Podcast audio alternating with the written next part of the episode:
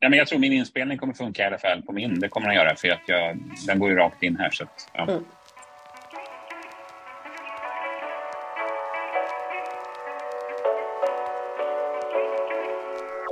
Men vad bra hörni. Mm. Det gör vi. Då hälsar jag er välkomna hit till eh, Yttrandefrihetspodden. Och eh, själv sitter jag på ett café vid Söderport i Visby. Det är Almedalsveckan. Och Erik, du är också i Almedalen, eller hur? Ja, jag har, hitt, jag har letat mig till Botaniska trädgården. Eh, okay. Lyssnat på fågelsång och människor som pratar och går förbi, som går förbi här. Så. Du har visserligen blommor ser jag här bakom dig. Vi spelar in det här i Zoom, Kerstin, men du är alltså inte i Almedalen. Precis, jag har en blommig tapet, eh, men jag sitter hemma vid mitt eh, köksbord i Stockholm.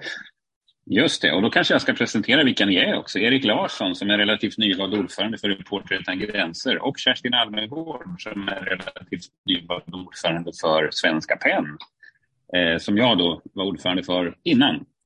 Eh, och eh, vi ska prata lite om Almedalen, vi ska prata lite om yttrandefrihetsutmaningarna och hur ni ser på era uppdrag, tänkte jag. Ni har varit nästan lika länge eh, ordförande för varsin yttrandefrihetsorganisation. Hur har de första månaderna varit? Ja, jag kan eh, börja med att säga att det har ju varit väldigt extremt hektiskt faktiskt. Eh, för, för vår del är det så här, Reportrar utan gränser, så vi har ju märkt de senaste åren att intresset för pressfrihetsfrågor har ökat. Och det här har ju gjort att eh, vi, har, vi har växt, vi har fått ett större kansli och eh, jag har insett att vi behöver byta kläder till, till något större. Och det gjorde vi ganska omedelbart efter jag hade tillträtt och då såg vi till att teckna ett kollektivavtal för kansliet. Och eh, sen blev också vår verksamhetsledare Katarina Karlsson eh, hon blev verksamhetschef och det innebär att hon har lite andra nya befogenheter kan man säga. Men sen så har ju ganska mycket av tiden gått åt till att sätta sig in i frågor, ja, olika projekt och också med Paris där vi har vårt eh, huvudkontor. Och sen mm. så har det ju, vid sidan av det så har det ju varit en hel del ja, utspel. Vi hade ju liksom valet i Turkiet, jag tror att det var bara någon dag efter jag hade, hade tillträtt. Eh, där, ja, det, det, var ju liksom ett val om yttrandefrihet eller pressfrihetsfrågor också kan man säga. Eh, mm. och, och sen personligen för mig så har det också varit så att det har varit jag har försökt anpassa mig. Jag har ett annat jobb också där jag är chefredaktör för tidningen Omvärlden och det har ju handlat mycket om att eh, försöka hitta någon, eh, liksom balansera mellan de här jobben helt enkelt. Så så har det varit för mig. Ja, har... ja det då Kerstin? Ja, nej men jag, jag känner igen mig väldigt i det som Erik säger. Vi har ju lite grann spegelbildsuppdrag ju och eh, precis som Erik så har jag också en, ett jobb vid sidan av så att det har verkligen varit hektiskt att eh, sätta sig in i allt det nya och det är ju massor med frågor som är superaktuella även för Svenska PEN. Vissa är ju precis samma frågor. Mm. Mm. Eh, och andra är kanske lite mer PEN-specifika. Förutom Turkiet har det också varit stort fokus för oss på de här förtalsrättegångarna, förtalsrättegången mot Mattias Våg till exempel. Mm. Och, eh, och eh, den så kallade förtalsombudsmannen och, eh, och sådär. Som jag skrev en debattartikel om i DN också. Vad är det där? Jag tror alla känner till valet i Turkiet och dess betydelse, men vad handlade det där förtalsmålet om? Ja, det handlade om att, eh, att Mattias Våg hade helt enkelt kallat en nazist för nazist kan man väl säga. Mm. och det var det som prövades. Eh, om man verkligen får göra det eller om det är förtal. Och ehm, eh, det är några figurer inom den högerextrema rörelsen som har startat någonting som de kallar för förtalsombudsmannen där de helt enkelt vill, de har som mål att göra ordet nazist till deras eget, inom citattecken, en ord eh, som de inte vill att man ska kunna använda. Och eh, det där blev en rättegång, Mattias blev friad, men, men Eh, och, vilket ju var tur. Men där skrev mm. jag ett, eh, en debatttext där jag uppmanade vår justitieminister att, att titta på den här taktiken som de använder för att vi ser att det här är en beprövad taktik i många andra länder. I USA så benämner man det SLAPS, det är en akronym, nu har jag inte alla eh, bokstäver i huvudet vad de står för, men, men som verkligen är just en metod för att tysta meningsmotståndare. Mm. Man anmäler dem för förtal och det spelar egentligen ingen roll ifall man eh, tror att man kommer att vinna eller förlora utan det handlar om att man hela tiden ska vara jobbig och, och anmäla människor för förtal så att de måste sitta och ägna sig åt rättegångar istället och kanske riskera sin personliga ekonomi och inte hinner arbeta och skriva texter och, och göra sitt jobb och, och så vidare. Mm. Får, jag, får jag bryta in där lite? Ja. Mm. Eh, för att igår så var jag faktiskt på ett seminarium, eller jag var paneldeltagare i ett seminarium som handlade just om SLAP. Det är alltså Strategic Lawsuit Against Public Participation. Och det, det kan man säga, det, det är ju en strategi precis som du säger, som går ut på att dränera så mycket tid och resurser från journalister men även andra människorättsorganisationer genom att använda domstolen som ett vapen mot dem. Och då, då, då, pratar vi just om, om eh, att det blir allt vanligare. Och jag liknade det vid men det är som en rovfågel som svävar över Sveriges eh, ja, journalister men även andra organisationer. För att här i Sverige så har vi, en ganska, vi har ett bra grundlagsskydd för att uttrycka oss. Eh, mm. Men problemet är när man ser att journalister stäms i andra länder. Och mm. eh, med på det här seminariet så hade vi en eh, frilansjournalist som heter Amelie Östlund. Och hon har tillsammans med en kollega blivit stämd på 160 miljoner kronor för en artikel som publicerades i Sverige men domstolsförhandlingarna sker nu i London, i en domstol i London. Ja. Så, att, så att även de sakerna som vi skriver här i Sverige för en svensk tidning som handlar om svenska saker kan stämmas i andra länder. Och det, det, det. Det, här, är, det. här blir allt vanligare faktiskt.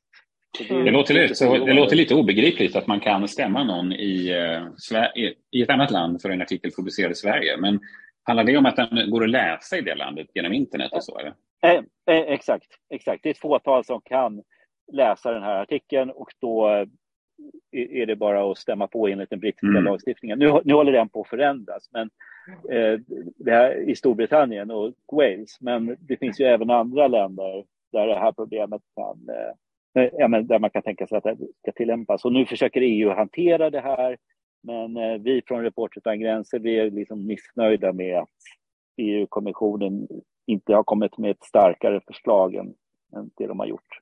Mm. Eller liksom, rättare sagt, EU-kommissionens förslag var ganska bra, men det har liksom sen mjölkats ut under ministerrådsmötena. Mm. En helt annan fråga. Du och jag, Erik, befinner oss i Almedalen, under, eller i Visby under Almedalsveckan, ska man väl säga. Eh, förra året så begicks det ett mord här på Ingmarie Wieselgren, psykiatrisamordnare. Och eh, många har talat om att eh, det där var ett hot mot det öppna samtalet som kan föras här i Almedalsveckan. Eh, vad säger du om det, Erik? Tycker du att det var det så? Ja, men jag, ja, men jag, jag tycker ändå att det, att det är det. Liksom, att, för att varje, varje så här fall, varje så här hemskt övergrepp gör ju att man, eller många ser sig över axeln en extra gång. Eh, mm. liksom det, det, det, får ju en sån effekt. Liksom, så här. Jag kom ju, jag var ju precis i närheten när det här hemska mordet skedde då förra året. Och när jag går på gatorna här nu så tänker jag, när jag rör mig kring Donnersplats, liksom, så, så tänker jag på det. Men mm. med det sagt så är det ju så att det också pågår en massa samtal här i år i varje gathörn. Men någon effekt har, har det här absolut haft. Jag tänker att på sätt och vis så kanske Almedalsveckan kokar ner till, eller alla de diskussioner om yttrandefrihet och öppna samhället som vi har kokar ner lite till eh, konkret verklighet just här. Både, både då det hotet, mot, hot om våld eller hot om trakasserier eller så kan finnas här. Fanns definitivt förra året. Vi har också haft högerextrema grupper här. Men också kommersialiseringen förstås, det är en del av det också, Almedalen. Det kostar mycket pengar att vara här och alla har inte råd att vara här vilket speglar en del av yttrandefrihetsdebatten också. Att, eh, att man behöver resurser för att höras i samhällsdebatten. Vad det gäller just eh, hoten och våldet så tänker jag att det syns ganska tydligt att säkerhetsnivån är mycket högre i år också. Eh, att det finns fler poliser på gatorna, fler vakter, fler avspärrade gator som eh, bilar inte får åka in på. Eh, så, där. så det är klart att eh, en del av det här som, som leder till övervakning när man måste möta hot av olika slag det, det ser vi faktiskt här också, på gott och ont. Ja, men det var ju även så förra året så var det också redan innan mordet var det ju en hel del säkerhetsbevakning. Men jag håller med, det är, det är mer, eh, mer... Det är synligare. Det är, det är synligare. Ja, det är syn, ja. synligare. Ja. Det, det, fanns ju förra året också förstås. Jag var ju precis, jag var precis där eh, då vid mordet och eh, det tog ju inte mer än tre minuter så var det ju säkert 15 civilklädda poliser på plats då. Så att det fanns ju övervakning då också. Men, ja. Mm. Mm. men det räckte inte tydligen då? Verka... Det räckte inte, precis. Just eh, Ingmarie Wiesengrén hade ju ingen bevakning. Eh, och eh, det gjorde förstås att det, det, var inte så svårt att begå det här dådet. Det var det inte. Hur, Men, eh, ni som ja. är på plats, hur känns stämningen? Hur mycket pratar man om det här? Alltså alla som nu är nere och deltar. Ganska mycket skulle jag säga. Vad säger du Erik? Eh, jo, nej, men absolut. Det pratar, alltså, eh, man, man hör det liksom på gator och torg och man, man pratar med folk som eh, få som man träffar som tar också upp det. Liksom så, så, det är klart att det präglar väldigt mycket av årets Almedalen skulle jag säga. Mm. Mm. Och det kommer kanske prägla även nästa års? Det lär det väl göra kan man väl tänka. Mm. Det är ju eh, vissa som snackar om att eh, man helt enkelt borde bojkotta. Mm. Vad, Personligen vet Men... jag inte riktigt om det är rätt väg att gå. Vi kan ju inte stänga ner alla samtal. Precis, alltså de invändningar som finns, både då att det finns en hotbild eller kanske finns en hotbild, att det är dyrt och att det bara är någon slags elit, såna här, allt det där stämmer ju, men det stämmer ju lika mycket att det är just en öppen arena där nästan allt är gratis. Eh, seminarierna kan man gå på hur som helst, man kan delta i samtalet, man kan begära ordet. Alltså det är klart att eh, allt det där stämmer också. Så att eh, på det viset så vore det ganska tråkigt om den här ganska speciella arenan som Almedalsveckan är försvann. Det skulle jag nog säga. Men samtidigt så den har funnits länge, den har bara vuxit. Nu har den krympt lite i år, både i antal dagar och i antal seminarier. Och det kanske inte är så konstigt om allting har sin tid någonstans och det här kanske är på väg att ebba ut lite. Ja. Eller för, det, förs det sådana diskussioner, Erik? Det är ganska ofta jag möter sådana här idag. Nej, nej men det, alltså det är ju en gammal diskussion också kan man säga. Det här är ju liksom, eh, liksom att Almedalen är kommersialiserad, det har man ju pratat om i flera år. Mm. Och visst, det är, det är väldigt många bruna chinos och med pilotglasögon här. Liksom just, så, så är det också. Liksom så här. Det finns många företag som som är här liksom för att eh, på, något, på något sätt tjäna pengar eller skapa uppmärksamhet.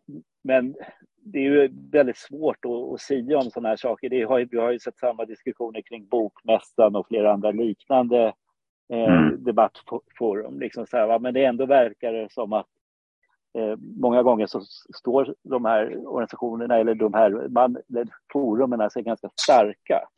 För att mm. folk är vana att åka hit och det finns ja, i, i, organisationerna så börjar man planera in vad ska vi göra i år i Almedalen.